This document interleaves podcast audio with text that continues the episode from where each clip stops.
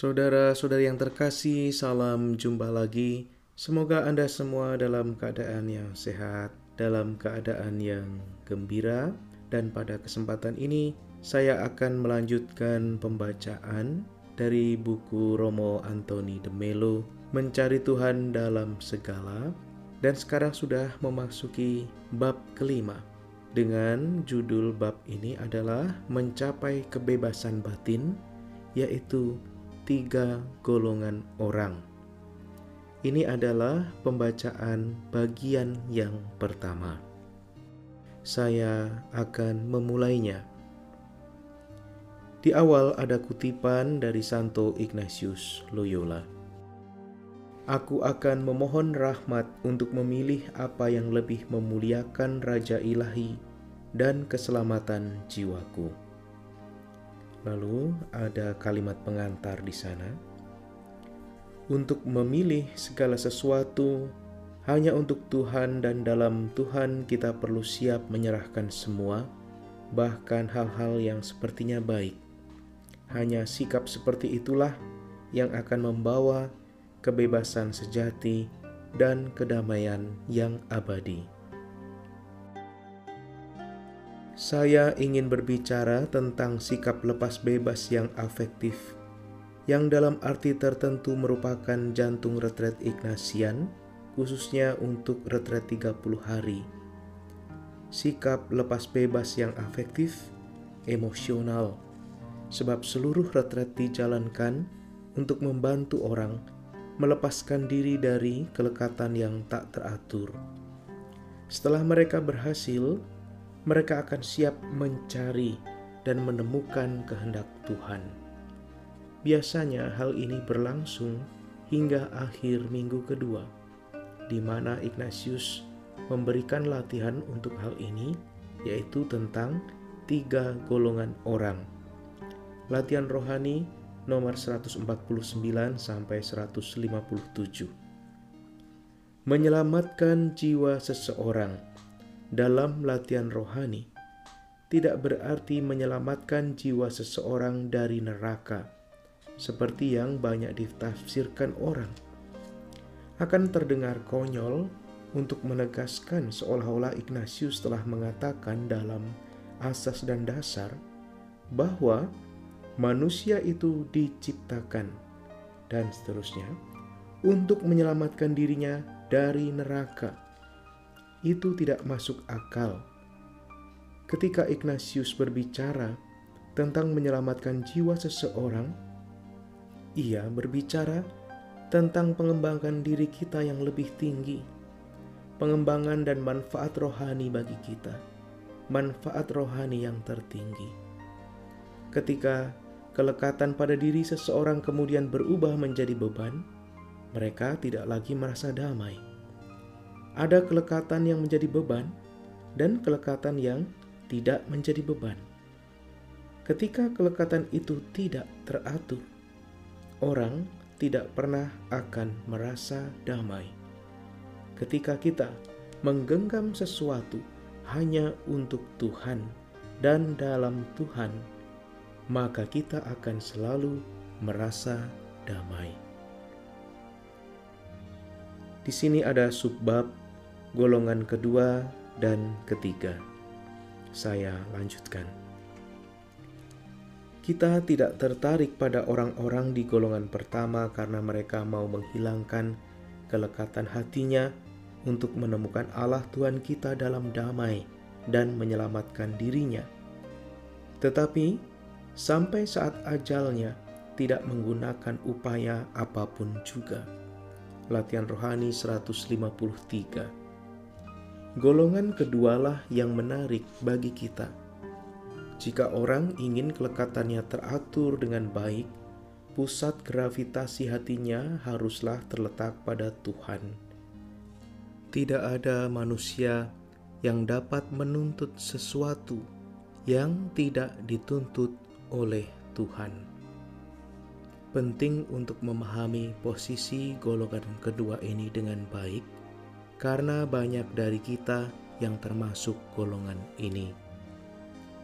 Orang-orang dalam golongan kedua ini juga mau menghilangkan kelekatan hatinya, tetapi dengan sedemikian rupa tetap memiliki barang dapatan itu. Mari saya beri contoh.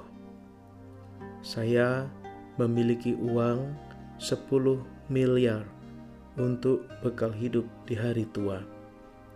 Jadi, saya akan mempertahankan uang ini mati-matian. Saya mendekapnya dalam hati saya, saya menggenggamnya erat-erat, dan tentu saja ini tidak teratur karena saya tidak mempertahankannya hanya untuk Tuhan. Karena kelekatan saya tidak teratur, apa yang harus saya lakukan? Mungkin saya akan memohon kepada Tuhan. Datanglah Tuhan, kirimkanlah roh kudusmu ke dalam hatiku, sehingga aku dapat terus menyimpan 10 miliar itu yang tetap saya genggam erat-erat. Saya bahkan belum siap mempertimbangkan kemungkinan untuk melepaskannya, sehingga kemudian saya dapat mencintai 10 miliar tersebut dengan cinta yang murni dan teratur. Ini akan menjadi kontradiksi bagi Ignatius karena saya bahkan tidak mempertimbangkan kemungkinan untuk melepaskan kelekatan itu. Ignatius mengatakan, tidak akan terjadi apa-apa dalam kasus seperti itu. Saya ingat almarhum Romo Jenderal Pedro Arupe mengatakan kepada para provinsial beberapa tahun yang lalu bahwa ia mengharapkan agar semua provinsial sekali lagi menjalankan retret 30 hari demi mencapai sikap lepas bebas ini. Sebab saat ini mereka harus membuat banyak keputusan yang memerlukan keberanian besar. Kebanyakan orang cenderung lekat pada status quo, mempertahankannya, memurnikan cinta mereka, tetapi tetap mempertahankannya. Haruskah kita mempertimbangkan untuk melepaskan rumah sakit yang kita miliki atau sekolah yang kita kelola? Tidak, kita akan mempertahankan keduanya, tetapi kita akan bekerja lebih baik, atau kita akan tetap mempertahankannya dan memurnikan cinta kita untuk hal itu, dan seterusnya kita tidak memiliki kebebasan penuh untuk mengatakan melepaskan hal itu atau tidak melepaskan hal itu, tidak ada bedanya. Saya ingat bahwa pernah dalam salah satu provinsi, Pater Provinsial mengundang para kepala sekolah dari seluruh sekolah untuk membuat penegasan umum mengenai haruskah kita menutup sekolah-sekolah kita atau meneruskannya. Saya ingat pernah membahas hal ini dengan salah seorang kepala sekolah kami yang sangat terkenal, dan dia berkata, "Konyol sekali jika kita mempertimbangkan untuk menutup sekolah-sekolah kita. Kita memiliki komitmen kepada orang-orang yang kita layani." Saya menjawab, saya pikir komitmen kita adalah untuk Kristus, untuk Tuhan. Orang-orang perlu memahami bahwa komitmen kita untuk mereka bersifat relatif terhadap komitmen utama kita untuk Tuhan. Kepala sekolah tersebut bahkan tidak akan mempertimbangkan kemungkinan untuk menutup sekolah, dan perlu Anda ingat, dia adalah orang yang jika besok diminta Romo Provinsial tinggalkan sekolah dan pergilah ke tanah misi, ia akan pergi saat itu juga. Ia tidak lekat secara personal pada sekolah itu. Tidak. Tetapi ia lekat pada nilai, pada suatu prinsip yang sama berbahayanya. Bahkan jika ia pergi ke tanah misi, ia akan berjuang sampai mati untuk tetap mempertahankan sekolah itu. Dia tidak siap melihat kemungkinan bahwa Tuhan akan lebih dimuliakan jika sekolah tersebut ditutup. Saudara-saudari yang terkasih, penting memahami sikap orang-orang dalam golongan kedua ini. Yang pertama-tama adalah lekat terhadap sesuatu. Melekatlah pada hal yang Anda inginkan, kemudian Anda berdoa kepada Tuhan untuk semua hal yang lain. Jadikan saya suci, buatlah saya mencintai semuanya saya tidak menyangkal bahwa seseorang bisa menjadi sangat suci, sementara ia berpegang pada kelekatannya yang tak teratur. Ia dapat menjadi seperti itu. Ia dapat berpegang pada kelekatannya yang tak teratur, namun tetap menjadi orang yang sangat suci. Saya dapat menjadi orang suci, tetapi Ignatius akan mengatakan, "Suci saja tidak cukup." Seluruh gagasannya adalah bahwa orang dapat lebih memuliakan Tuhan jika saja mereka dapat mencintai Tuhan dengan cara yang dikehendaki Tuhan dan bukan dengan cara yang mereka kehendaki. Beberapa orang mengatakan, "Hai, saya tidak ambil pusing dengan kemuliaan yang lebih besar dan seterusnya." Ignatius memberitahu kita, biarkan mereka ini pergi dalam damai, tidak usah dipikirkan. Latihan ini bukan untuk mereka. Itulah seluruh tujuan asas dan dasar. Jika orang ingin menemukan kehendak Tuhan secara pasti dan jelas, mereka harus membayar harga yang mahal untuk mengetahui kehendak Tuhan. Secara afektif, mereka harus lepas bebas, bahkan untuk hal-hal yang tampaknya baik. Cukup kiranya penjelasan tentang golongan orang kedua ini. Kemudian datanglah golongan orang yang ketiga. Mereka ingin menghilangkan kelekatan hatinya. Kalimat kunci dalam paragraf ini, yaitu di latihan rohani nomor 155 adalah mereka mau memandang dirinya seakan-akan dalam hati meninggalkan segalanya. Izinkan saya mendramatisasi sedikit hal ini. Orang ini memiliki 10 miliar.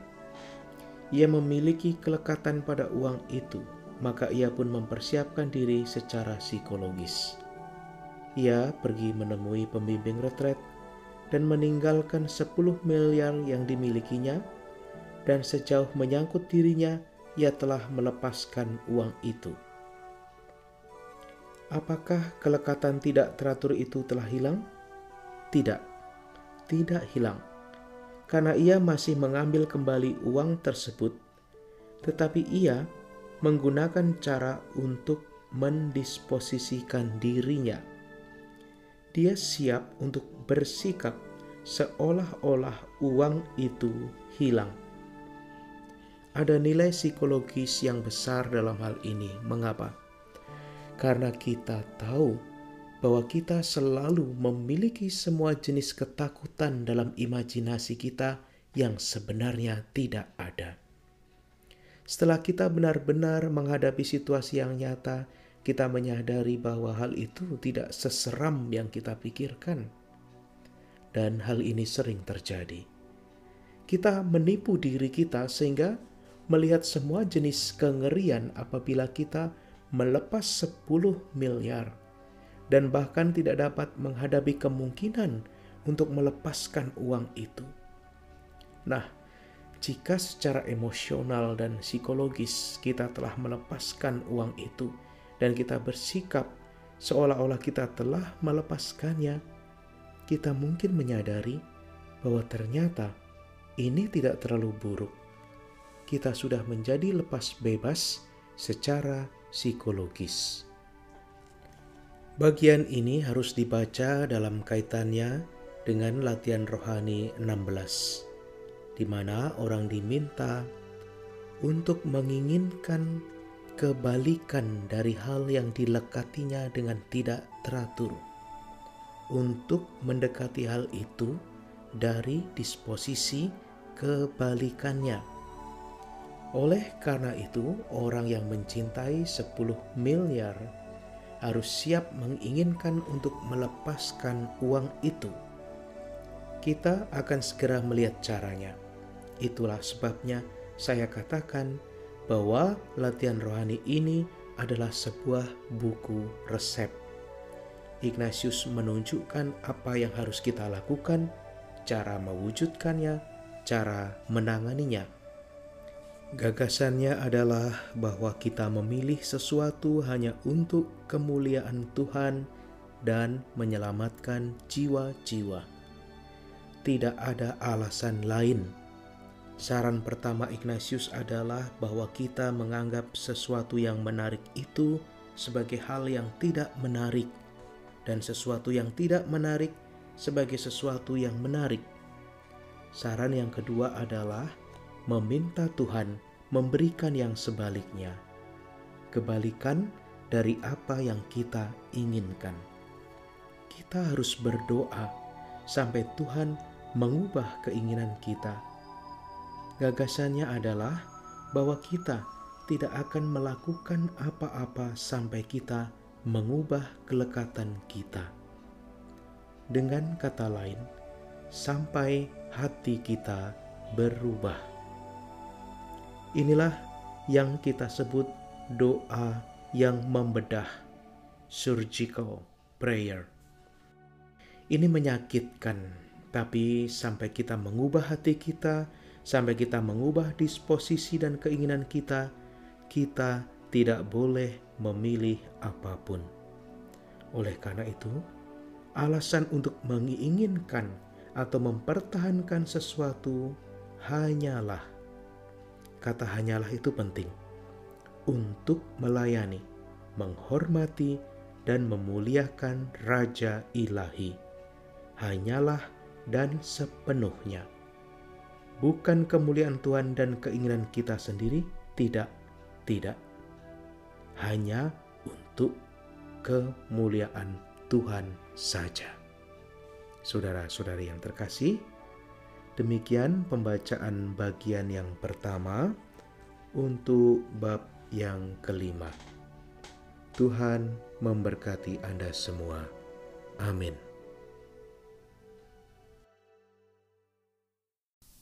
Saudara-saudari yang terkasih, salam jumpa lagi.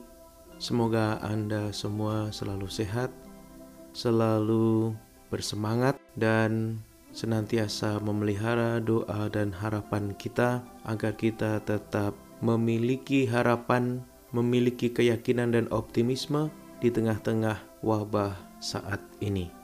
Saya akan melanjutkan pembacaan bagian yang kedua dari bab Mencapai Kebebasan Batin dari buku karya Romo Antoni de Melo, Mencari Tuhan dalam Segala. Saya lanjutkan. Ada judul subbab di sini, kedamaian adalah hasilnya.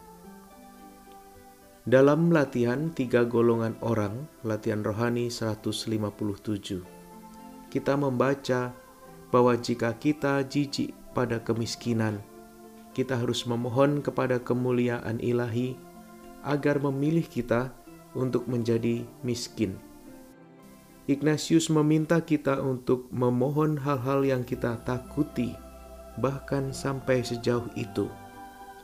Itulah cara kita mengubah keinginan kita dengan memohon. Sekarang kita telah melakukan semua hal yang mungkin secara manusiawi untuk mendisposisikan diri kita.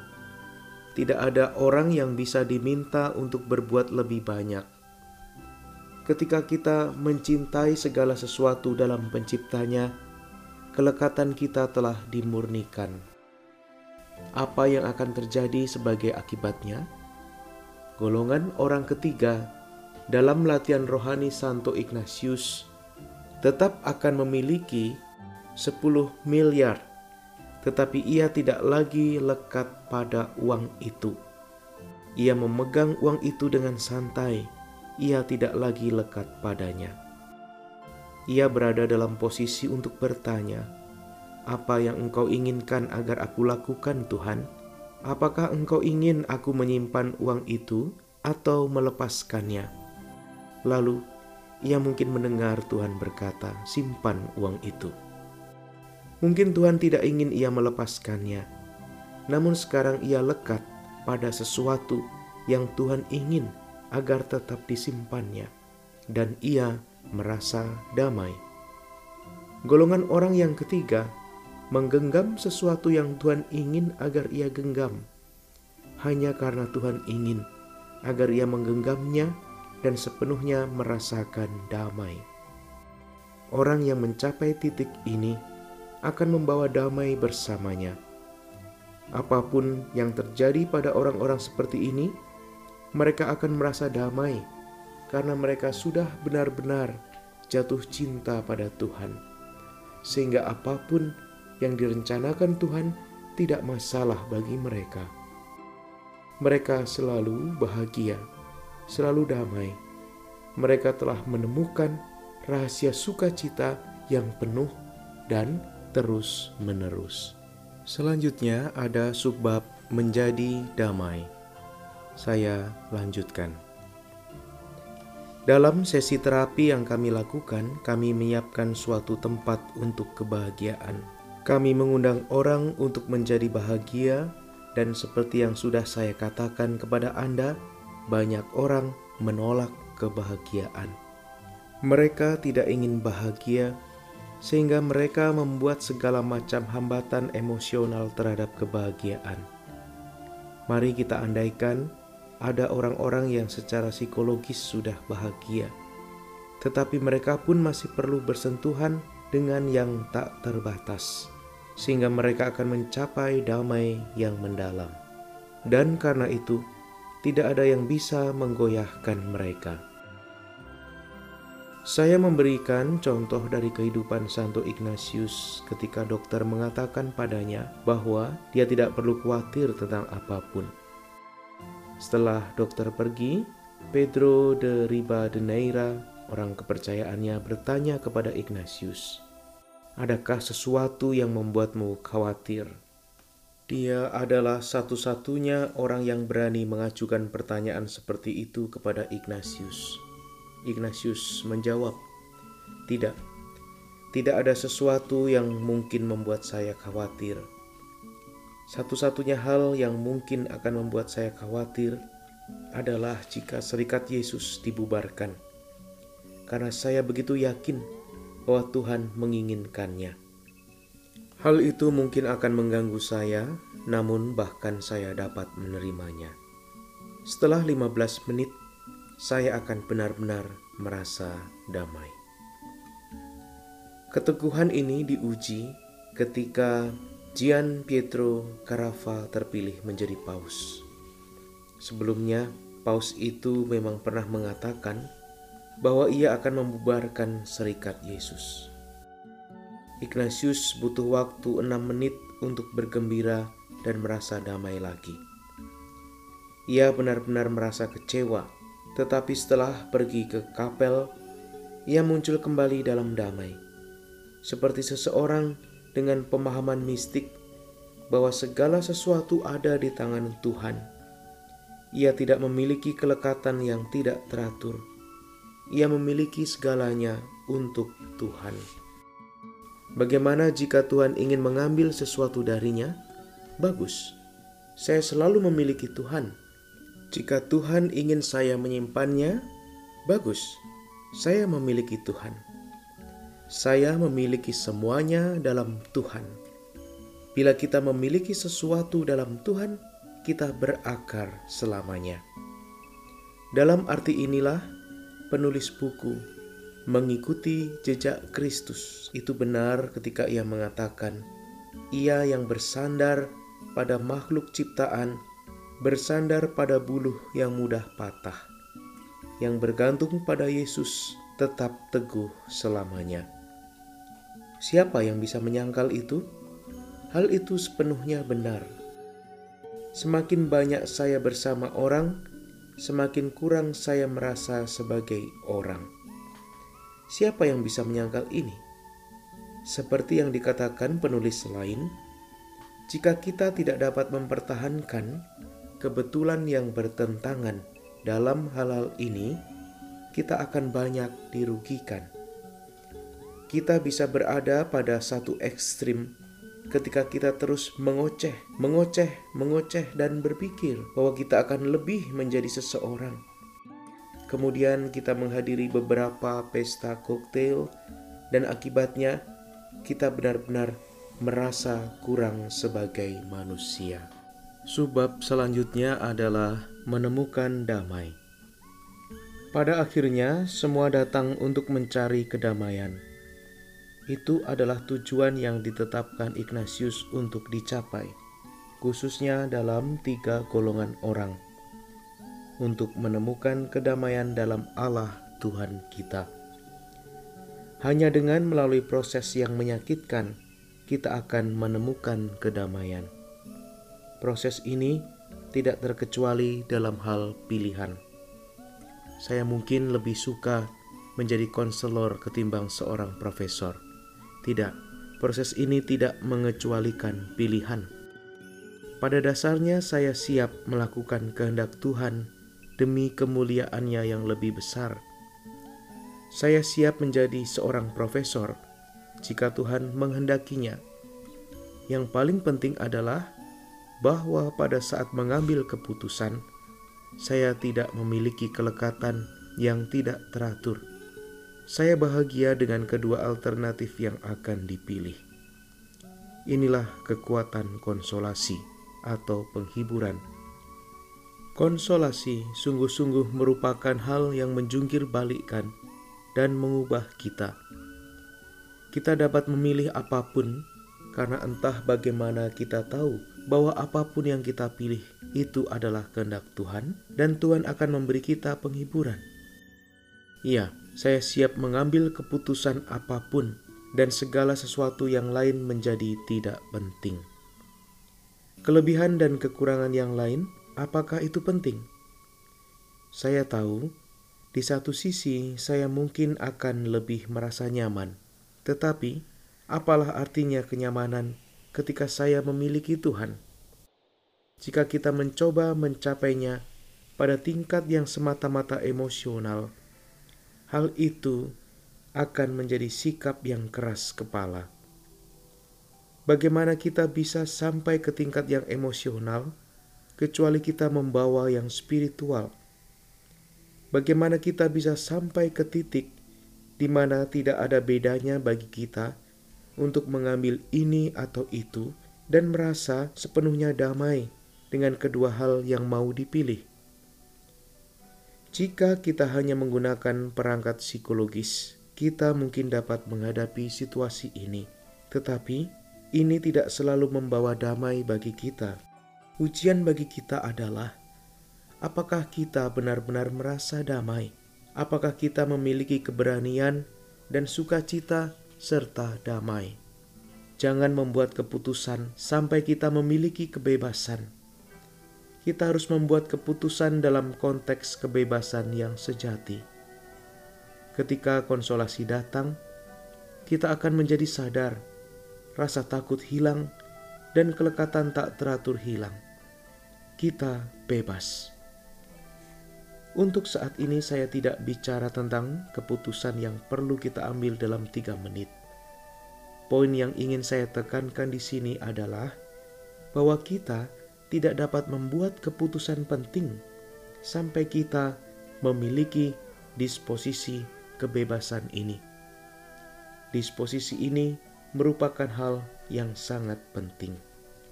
Apa yang sering dilakukan orang untuk menemukan kehendak Allah adalah membuat dua kolom, yakni alasan yang mendukung atau alasan pro, dan alasan yang menentang atau alasan kontra terhadap keputusan tersebut. Prosedur ini tidak masuk akal. Kita harus melakukan banyak pekerjaan persiapan sebelumnya. Bahkan, alasan-alasan atau pertimbangan itu dapat menjadi bias. Ignatius mengatakan bahwa kebanyakan keputusan tidak dapat dibuat berdasarkan penalaran atau pertimbangan akal. Itu tidak bisa karena kita akan menemukan alasan-alasan atau pertimbangan yang sama baiknya untuk kedua alternatif pilihan. Kita harus membuat keputusan dengan intuisi tertentu dari hati kita. Saudara-saudari yang terkasih, dengan demikian selesai sudah pembacaan saya untuk bab yang kelima. Tuhan memberkati kita semua. Amin.